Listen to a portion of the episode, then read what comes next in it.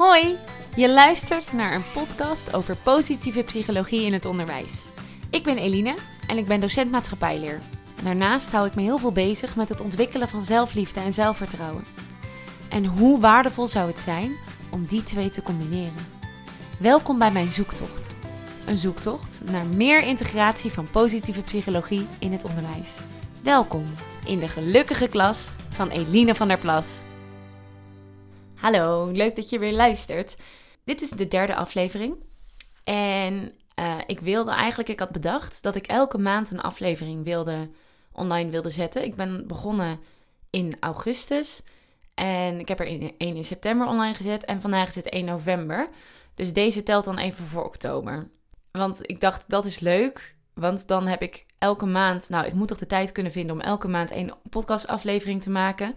Ik vind het uh, namelijk heel leuk om te doen, omdat ik echt heel goed er over bepaalde onderwerpen over ga nadenken. En ik kom erachter dat ik dat eigenlijk wel heel lekker vind om af en toe te doen. Juist in het onderwijs waar alles, als je niet uitkijkt, zo uh, de dagelijkse sleur wordt. En je bent zo naar het volgende vakantie of de volgende toetsweek of de volgende, ja, het volgende meetmoment aan het toeleven. En daarom is het juist wel zo lekker om af en toe dieper op een onderwerp in te duiken. Dus ik dacht één keer per maand, dat moet toch ongeacht hoe druk ik het heb te doen zijn. En dan heb ik na een jaar, dan begint het zeg maar in augustus en eindigt in juli, heb ik uh, precies in een schooljaar 12 afleveringen, één seizoen. Dat was eh, leuk, dacht ik. Maar ja, het is dus nu 1 november, dus als ik dit opneem, ik weet niet wanneer die precies dan online komt. Dus uh, we doen even alsof het nog oktober is. En ja, ik zie wel hoe het loopt. In eerste instantie, ik krijg wat reacties al hier en daar op de podcast van mensen die het hebben geluisterd. En dat vind ik echt ontzettend leuk. Ik heb de eerste twee afleveringen opgenomen voordat ik ze uh, online had gezet. Uh, dus zeg maar, de tweede aflevering had ik al opgenomen toen ik de eerste online zette. En ik dacht ook, dat is fijn. Af en toe kan ik dan zeg maar batchen. Dus dan kan ik af en toe een paar afleveringen opnemen. Want dan kan ik me wel goed houden aan bijvoorbeeld één keer in de twee weken of één keer in de maand. Toen was ik er nog niet helemaal over uit wat ik wilde. Om dan zo'n podcast online te zetten. Maar ik merkte dat ik dat helemaal niet leuk vond. Want dan kan ik helemaal niet reageren op de reacties die ik tussendoor heb gekregen. Want eigenlijk na mijn eerste podcast, dat vond ik ja, natuurlijk heel spannend, want het is nieuw. En de eerste reacties die erop kwamen, toen dacht ik ook echt, oh ja, mensen luisteren het ook echt. Maar dat was wel echt super leuk. En ik dacht, oh, dan kan ik niet in mijn tweede aflevering zeggen hoe leuk ik dat vond. En ik gaf daar ook in als doel van, oh ja, ik wil mensen inspireren en zelf geïnspireerd blijven. Daarom maak ik dit. En ik krijg al reacties over mensen die eraan zitten te denken om het onderwijs in te gaan. En ik heb ook al vanuit het onderwijs, vanuit iemand vanuit mijn oude opleiding, een reactie gekregen of een keer samen koffie gingen drinken over dit onderwerp. En toen dacht ik echt, nou, hoe vet is dit? Dat eigenlijk met het kleine stapje van alleen al de eerste aflevering maken, online zetten en uh, die in mijn eigen netwerk te verspreiden, kom je al tot super mooie gespreksonderwerpen en gesprekken. En eigenlijk is mijn doel al meteen bereikt. Ja, en vond ik echt heel bijzonder. Dus bedankt voor iedereen die een reactie heeft gestuurd, die heeft geluisterd en die nu weer luistert. Um, ik vind het heel erg fijn en ik vind het echt bijzonder. Dan voor deze aflevering heb ik als onderwerp zelfliefde. En ik heb eigenlijk aan het eind van aflevering 2 gaf ik een beetje een, een uh, hoe heet dat? Ik wou spoiler zeggen, maar een, een soort, oh ja, cliffhanger noemde ik het.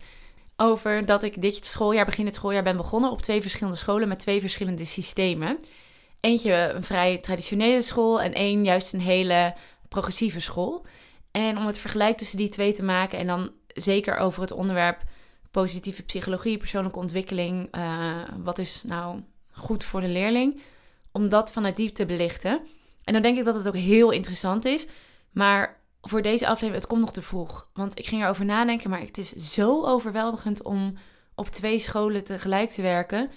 En ik ben zo nog zelf mijn alle prikkels en ideeën aan het onderzoeken en aan het bedenken dat ik het nog niet goed onder woorden kan brengen.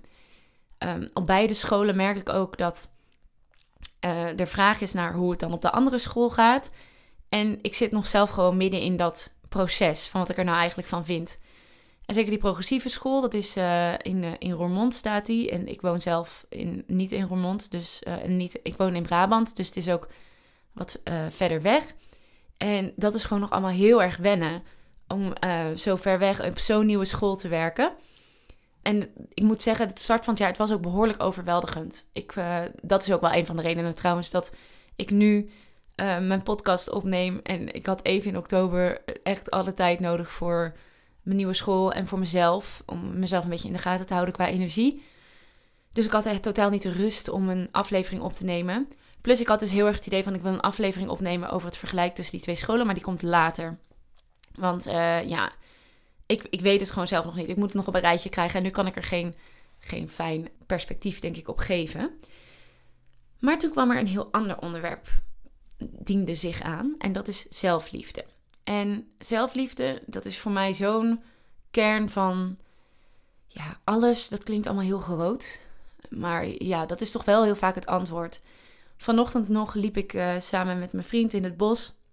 Het is zondag vandaag, maar ik kwam toch niet goed tot rust omdat er zoveel aan me bleef knagen. En ik was zo gewoon ja, aan het piekeren. En uh, we hadden het er samen over. En op een gegeven moment realiseerde ik uh, dat. Want ik had het toevallig dus ook over. Nou, wat is nou echt een, een, een goede school? Hè? Waar, waar voel ik me nou prettig bij in deze maatschappij? Wat, waar doe ik nou wel of niet goed aan? En ik voel heel vaak onrust. En dan ga ik zoeken naar een oplossing. Van, oh, moet ik dan wat anders doen? Of moet ik het dan op een andere manier doen? Nou, en die kon, dat is natuurlijk vaak niet echt een goed antwoord op die onrust. Want heel vaak moet ik het ook misschien maar gewoon die onrust een beetje accepteren. Um, maar voordat dit al te vaag wordt, uiteindelijk kwam er echt zo'n concreet antwoord in me naar boven. Wat me heel veel rust gaf. En dat is zelfliefde. Ik denk echt dat het zo belangrijk is voor goed onderwijs. Dat je leraren voor de klas hebt die gelukkig zijn. Zeg maar een gelukkige klas, dat begint bij een gelukkige leraar. En het klinkt misschien vrij logisch, maar ik denk echt dat dat heel belangrijk is. En daarom wil ik wat dieper op dit onderwerp ingaan. Net zoals ik denk echt dat ja, als je zelf een relaxte uh, ouder bent bijvoorbeeld, dat dat heel goed is voor je kind. Ook al maak je dan af en toe misschien beslissingen die in het oog van de buitenwereld lijkt op dat je egoïstische beslissingen maakt die juist niet voor je kind zijn. Maar ik denk dat het nog steeds super belangrijk is als jij voelt dat jij daar behoefte aan hebt. Want zo'n kind heeft uiteindelijk zoveel meer aan een energieke ouder of aan een energieke leraar in mijn geval, dan aan ehm, iemand die helemaal gestrest is. En zeker omdat, ja, een van mijn grootste kritiekpunten, denk ik, op onze huidige samenleving en dus ook op ons huidige onderwijs, is dat er zoveel stress is. En dat is ongezond. En daar worden we ongelukkig van en daar worden we ongezond van. Dus het heeft geen zin, denk ik, als ik heel veel stress heb, dan geef ik dat voorbeeld aan mijn leerlingen. En dat is juist iets waar ik um, wat tegen wil doen. Waardoor ik ook bijvoorbeeld deze podcast aan het maken ben en dit onderwerp zo voor mezelf aan het um, uittypen ben. Als ik relaxed ben en dat voorbeeld geef, dat is gewoon denk ik het begin van dat die leerlingen ook relaxed zijn. Want uiteindelijk eh, doen leerlingen of, nou ja, of kinderen of in het algemeen, eigenlijk mensen in het algemeen, als je nieuw gedrag aanleert, dan kopieer je dat gewoon van degene om je heen even om een cliché quote die ik wel heel mooi vind erin te gooien. Be the change you want to see in the world. Volgens mij is dat van Gandhi. Ik ga eh, heel even opzoeken of dat van Gandhi is. Ja, ik, uh, ik merk dat ik heel vaak dingen zeg. Dan denk ik, volgens mij was het zo. Maar dan weet ik het niet zeker. Het is inderdaad een quote van Gandhi. En ik denk dat daar zoveel bij begint. Dat je ja, echt bij jezelf begint dat als voorbeeld geven. En de mensen die daarop aanhaken en die dan geïnspireerd raken en dat ook zien, die, die zien dat toch wel. Dus vandaar het onderwerp zelfliefde. Een van de eerste keren dat ik me realiseerde dat zelfliefde ook zo'n belangrijk thema is in het onderwijs. Want dat ik het voor mezelf een heel belangrijk thema vond, dat uh, wist ik al. Dat verhaal vertel ik straks. Um, maar was toen ik in het eerste jaar, toen ik startte op de school waar ik, uh, waar ik nu ook werk in Tilburg, toen hadden we een regeling dat we de eerste twee lesuren op dinsdag waren vrij van les. En op dat moment vergaderden de docenten met elkaar. Want dan waren, het idee was, ja, s ochtends dan ben je veel scherper en dan kom je tot veel betere ideeën. En um, dat, dat werkt veel beter dan dat je na een lange dag lesgeven alsnog met elkaar gaat vergaderen. En uiteindelijk is dat na een jaar proefdraaien weer teruggedraaid. Um, vooral uit angst dat de lesdagen dan langer zouden worden voor de leerlingen. En dat gaf een slecht imago. Dus, uh, want daardoor zeiden ouders tegen elkaar: ja, die school die denkt alleen maar aan zijn leraren en niet aan de leerlingen. Oh, het is trouwens zo dat er bij de buren geklust wordt. Dus dat hoor je er misschien af en toe doorheen. Ehm, dat is een beetje irritant, maar dan weet je dat aan de hand is. En toen dacht ik, dat is zo gek eigenlijk. Als je over die opmerking gaat nadenken. Oh, de ouders die, die zeggen dan... Die school denkt aan zijn leraren en niet aan zijn leerlingen. En toen... Dat is de eerste keer dat ik dacht, huh? Maar hoe, dat, hoe kan dat twee verschillende dingen zijn? Want ik dacht, ik zou mijn kind denk ik graag naar een school sturen die goed voor zijn leraren zorgt. En die denkt aan zijn leraren. Dat is niet in plaats van aan zijn leerlingen. Dat is toch uiteindelijk, ten, dat is toch uiteindelijk ja, goed voor de leerlingen en goed voor de school. Energieke, uh, energieke docenten die uh, met elkaar nieuwe ideeën vormen, die bepaalde energie hebben, waar de school goed voor zorgt, die relaxed zijn. Dat komt alleen maar ten goede van je kind uiteindelijk, van de leerling. Dus ik zie dat niet als twee verschillende dingen die op elkaar staan. Ik zie het zelfs als een voorwaarde. Je moet goed voor die docenten zorgen. Die docenten moeten lekker in hun vel zitten. Want als die uh, verbitterd of burn-out raken, dan ben je gewoon echt ver van huis. Dan ben je toch helemaal niet meer lekker aan het leren met elkaar. En dat is toch voor niemand leuk. Dus vandaar dat ik dacht uh, dat het misschien heel vanzelfsprekend lijkt. Je moet goed voor de leraar zorgen, je moet lekker in je vel zitten. En een gelukkige klas, dat begint bij een gelukkige leraar. Maar in de praktijk is het blijkbaar dus helemaal niet zo vanzelfsprekend. Dan nu even überhaupt terugschakelen naar het onderwerp zelfliefde en hoe belangrijk dat voor mij is en welke rol het voor mij in mijn leven heeft gespeeld en speelt. Ik heb heel lang uh, totaal geen zelfliefde gevoeld en vond het ook altijd een. Weet je, als iemand dan bijvoorbeeld zei: Ja, je moet eerst van jezelf houden en dan pas kan je van iemand anders houden.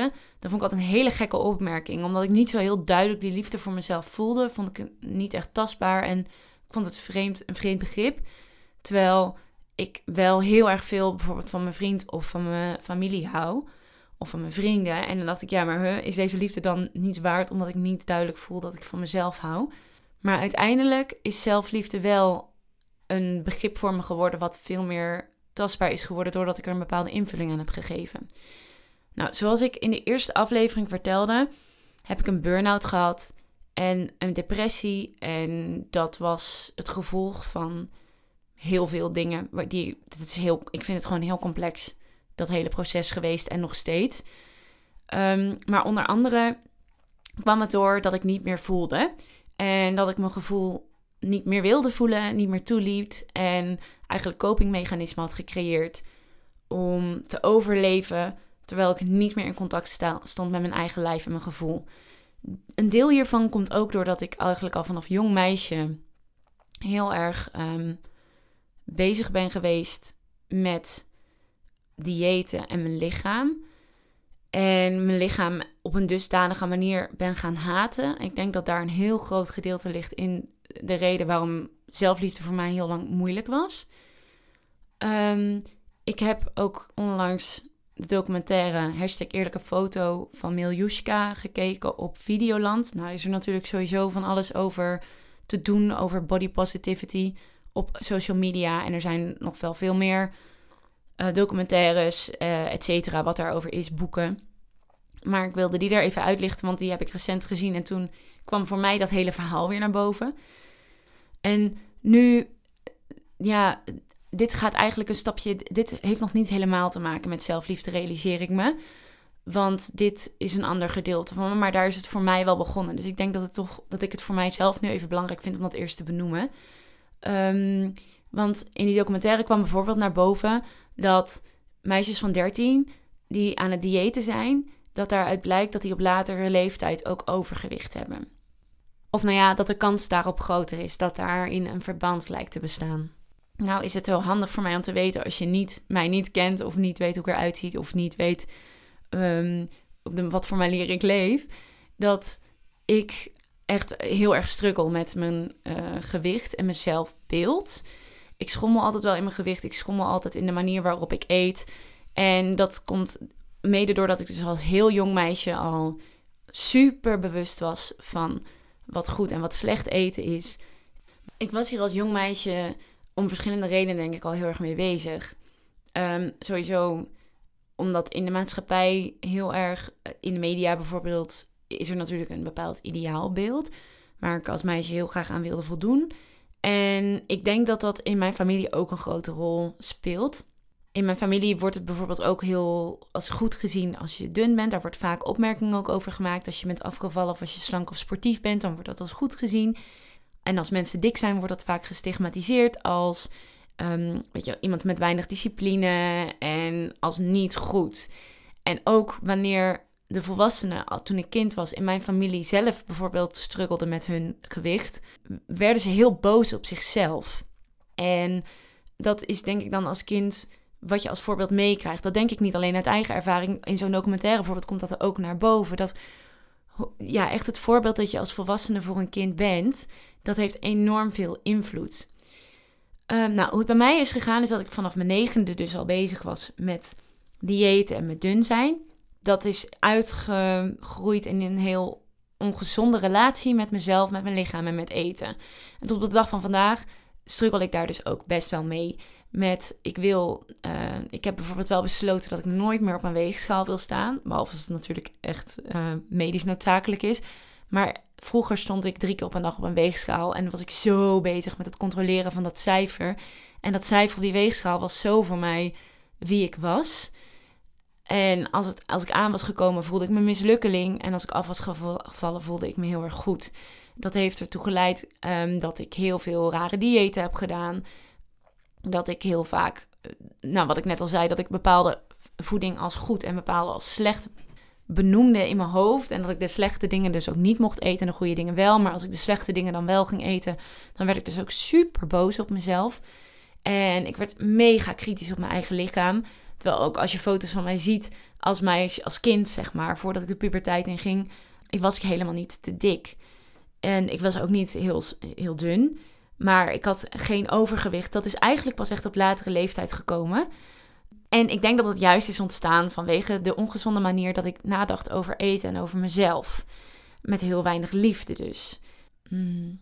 Eten is voor mij dus nog steeds iets moeilijks. Wat ik zei, ik heb geen weegschaal meer en ik probeer ook steeds meer naar mijn lichaam te luisteren. Maar tegelijkertijd met dat, die dieetcultuur die, waarin ik opgroeide en die, die ik mezelf ook um, aanleerde of opdroeg. Ja, ik weet niet hoe ik het goed moet uitleggen, maar de manier van diëten waarover ik nadacht in mijn hoofd.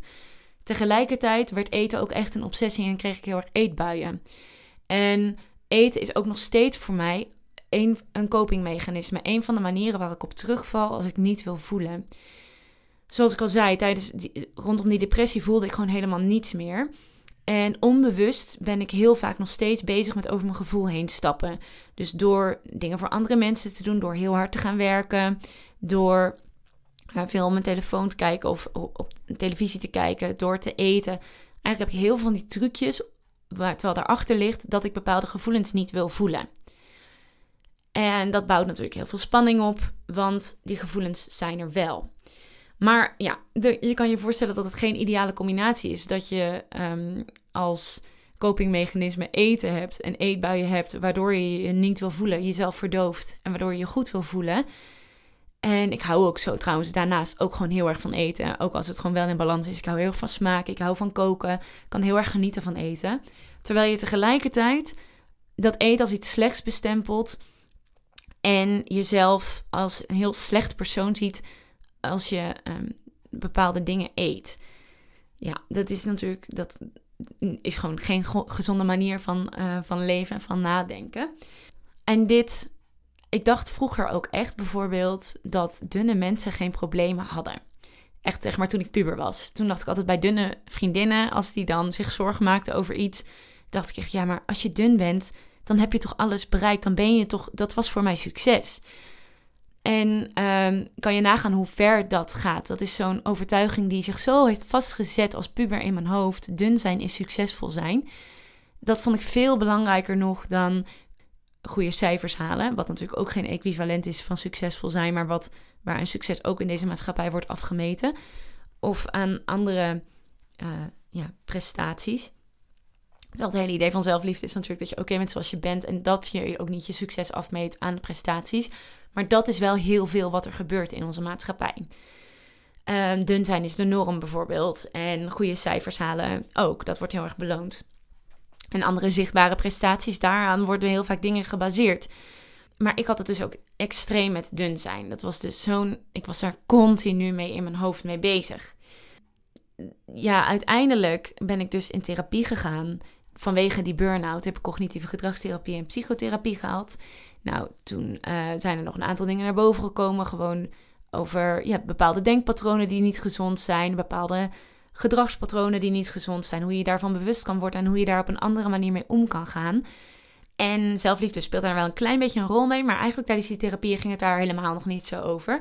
En ik weet ook toen, nog, toen ik klaar was met mijn laatste therapie en toen ik echt ook wel weer een paar jaar verder was en best wel in balans was, in ieder geval qua energie. Ik kon weer gewoon functioneren, ik kon weer werken, ik kon weer studeren en um, alles was wel weer redelijk in balans. Ik had niet meer die extreme vermoeidheid. Toen uh, weet ik nog dat ik op een gegeven moment in een gesprek tegen mijn moeder zei aan de telefoon: Ik heb uh, nu dit afgerond en ik ben oké. Maar het thema zelfliefde, daar kan ik echt nog steeds helemaal niks mee. Ik voel het gewoon niet. Want op dat punt begon ik dus wel weer andere dingen te voelen. Dingen waar ik blij van werd. En dingen wanneer bepaalde mensen of um, uh, gebeurtenissen, omstandigheden mijn grenzen overgingen.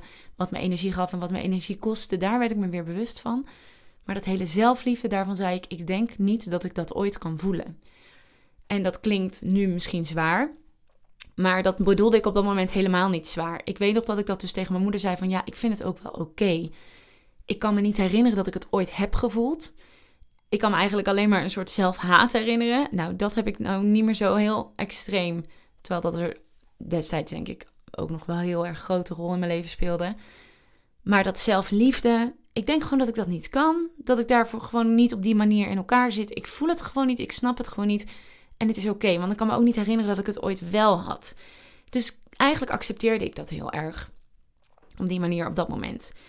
En niet heel lang daarna kwam er wel iets op mijn pad wat ik ben gaan doen. En dat was een coaching. Dus dat was geen, niet meer een therapie, maar meer, ehm, nou ja, vanuit de positieve psychologie bezien ook. Gewoon op ontdekkingspad blijven gaan en jezelf blijven ontwikkelen zonder dat je eigenlijk echt ziek bent. Maar meer om jezelf gewoon ja, te ontwikkelen en gezond te houden. En die coaching, dat was als, had als thema zelfliefde. Dus toen dacht ik, nou weet je, ik vind het eigenlijk wel interessant om dat dan eens voor mezelf te gaan onderzoeken.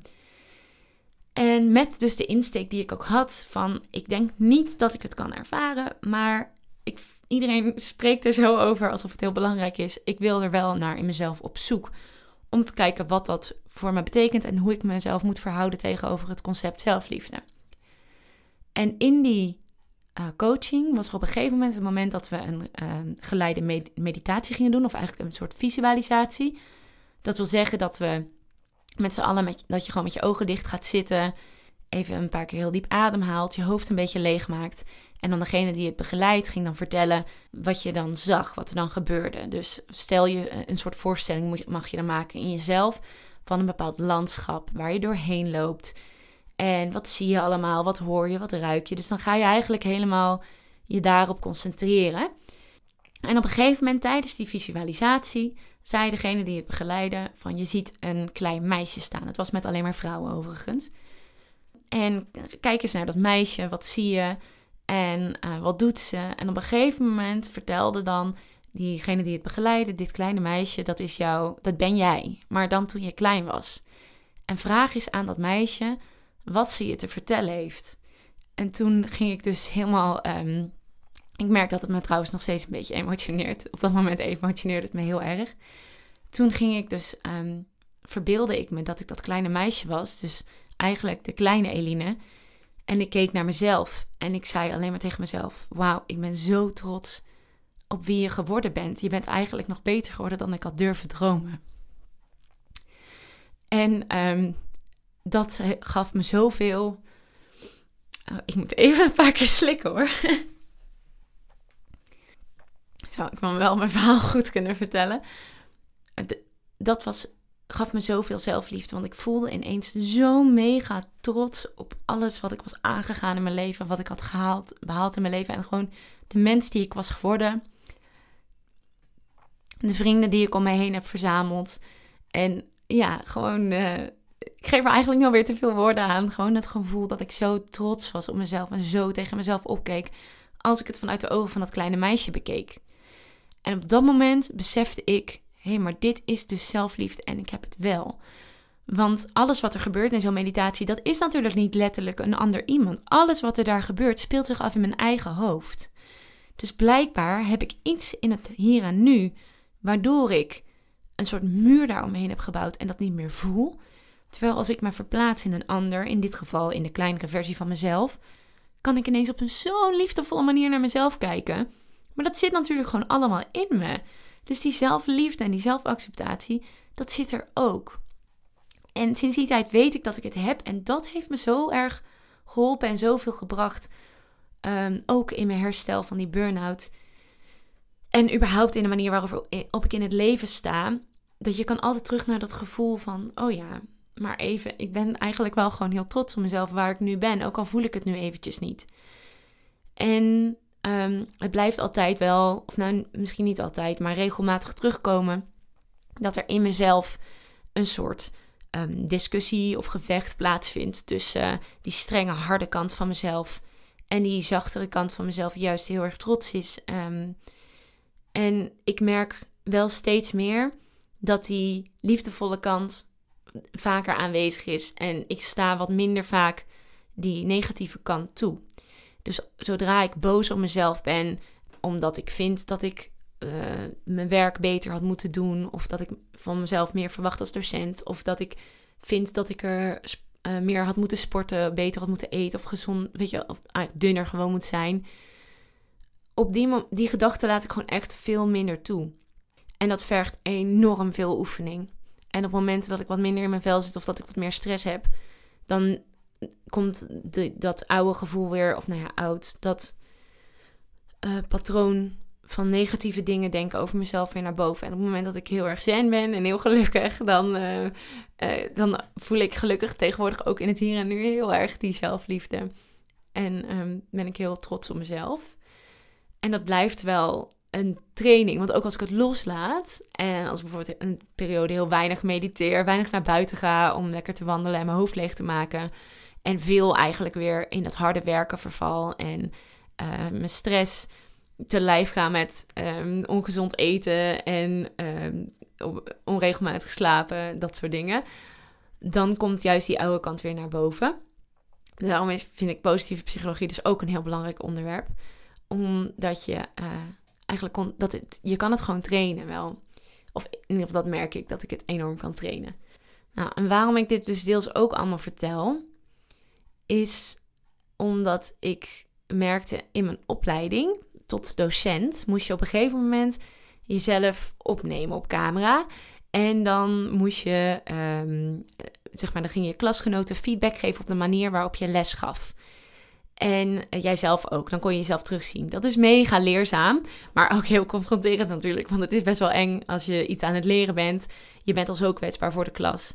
En dan gaat ook nog eens iedereen je daar uh, vertellen over wat je dan uh, goed doet en beter kan doen. Dat is natuurlijk gewoon spannend. Maar ik merkte toen weer heel erg, werd ik heel erg weer geconfronteerd met, met dat oordeel over mijn uiterlijk.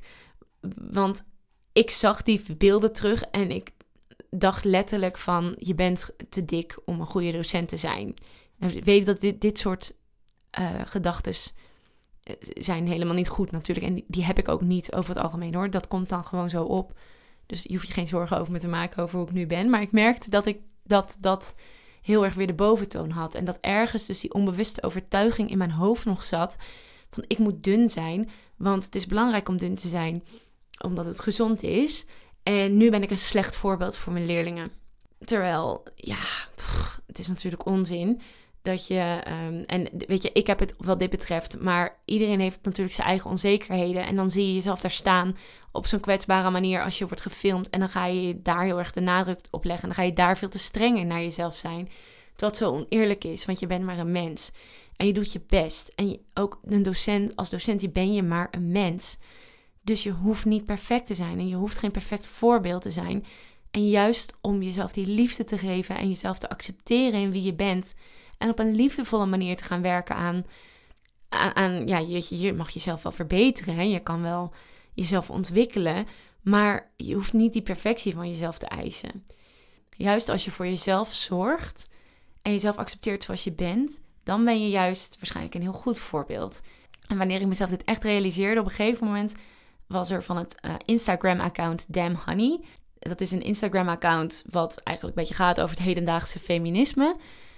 En daar ging het ook over dit onderwerp, over blij zijn met je lijf, hoe het er ook uitziet. Um, want voor heel veel vrouwen is dit gewoon een issue in, in onze huidige maatschappij. Daar hadden ze het over.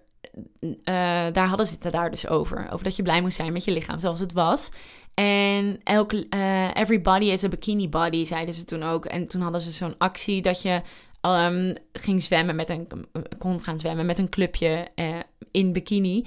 En dan zag je dus op foto's op Instagram allerlei verschillende soorten lijven uh, in bikinis. En dat was zo mooi om te zien, want je zag ook echt, elk lijf was, elke vrouw was mooi op die foto. Vond ik in ieder geval. Je zag gewoon, ja, gewoon de, de kracht en de liefde en de plezier waarmee die foto's gemaakt werden. En waarmee die, die vrouwen zichzelf bevrijden van dat ze een bepaald lichaam moesten hebben om überhaupt badkleding aan te kunnen en te gaan zwemmen. Dat ze zich daarvan bevrijden. Dat gaf zo'n mooi beeld. En daardoor viel bij mij dus het kwartje van: hey, ik moet, um, of ik moet, klinkt weer zo streng, maar het is niet belangrijk dat ik dunner word. Want ergens zat dat nog altijd wel in mijn achterhoofd. Als docent vind ik eigenlijk dat ik slanker moet zijn, omdat ik een beter voorbeeld moet zijn voor mijn leerlingen. Maar ineens besefte ik dat er in mijn klas ook Elines zitten, zeg maar van vroeger. En, uh, en, en honderdduizend andere leerlingen met hun eigen onzekerheden en issues. En hoe fijn is het? Is het niet het goede voorbeeld om te laten zien: ik ben blij met mezelf hoe ik ook ben. Want je bent als docent maar een mens, maar ook als leerling ben je maar een mens. Hoe verschrikkelijk is het als je als leerling, stel je voor dat je in de samenleving zou zitten, dat je aan het opgroeien bent en dat je alleen maar perfecte ouders en perfecte docenten zou hebben. Dat is toch dramatisch? Dan leer je dus dat, ik zou er echt helemaal stress van krijgen. Terwijl hoe fijn is het als leerling als je docenten hebt voor de klas in allerlei vormen en maten die gewoon blij zijn met zichzelf en die vanuit hun eigen kracht en talent werken. Dat, je, um, dat het niet uitmaakt of iemand uh, dik of dun is, of uh, stottert, of uh, schil kijkt, of een wijnvlek in zijn gezicht heeft en noem maar op, of kaal is, wat, waar je ook maar onzeker kan zijn, over kan zijn. En nu heb ik het voornamelijk over uiterlijkheden, maar dat kan natuurlijk nog veel verder gaan. Of je een gekke stem hebt, of dat is trouwens even best wel een uiterlijkheid. um, maar of je misschien een beetje verlegen bent, of um, dat elke vorm van mens zijn eigen dingen heeft en dat dat helemaal oké is. Hoe lekker is het om daarin op te groeien? En vanaf dat moment heb ik me voorgenomen, daar wil ik een voorbeeld in zijn. Ik wil mezelf als voorbeeld voor mijn leerlingen zelfliefde geven. En trots zijn op mezelf met waar ik nu ben. En ook laten zien dat ik ook nog in ontwikkeling ben. Niet, niet over dit onderwerp hoor, maar wel als ik een nieuwe, uh, nieuwe lesvorm bijvoorbeeld uitprobeer en het lukt niet, om te laten zien of, of het gaat niet zoals ik wil, om dat proces gewoon te delen. Want ik maak ook fouten en ik probeer ook maar gewoon wat uit. En dat is natuurlijk ook de manier waarop je leert. En uiteindelijk leer ik mijn leerlingen ook leren. Dus je bent juist zo'n goed voorbeeld als je dat stukje van jezelf laat zien. En daarin is dus denk ik uiteindelijk zelfliefde zo'n enorme sleutel uh, voor ieder mens. Maar nu even in het bijzonder ook voor als leraar. Dat je als leerling opgroeit met mensen om je heen die goed voor zichzelf zorgen. Want dat is, de enige, dat is het enige goede voorbeeld wat je hoeft te geven dat is de enige boodschap die je hoeft mee te geven aan zo'n leerling. Ik ben goed genoeg zoals ik ben. En vanuit mijn talenten en vanuit mijn uniekheid ga ik deze wereld instappen en brengen wat ik hier te brengen heb in deze wereld. En ik hoef niet iemand anders te worden of iets anders te worden om succesvol te zijn. Ik ben mezelf en vanuit daar ga ik zelf definiëren wat succes is en daarna leven. Be the change you want to see in the world. Want doordat jij gaat stralen, gaan andere mensen dat oppikken en daar geïnspireerd door raken. En daar ben ik echt van overtuigd dat dat de manier is.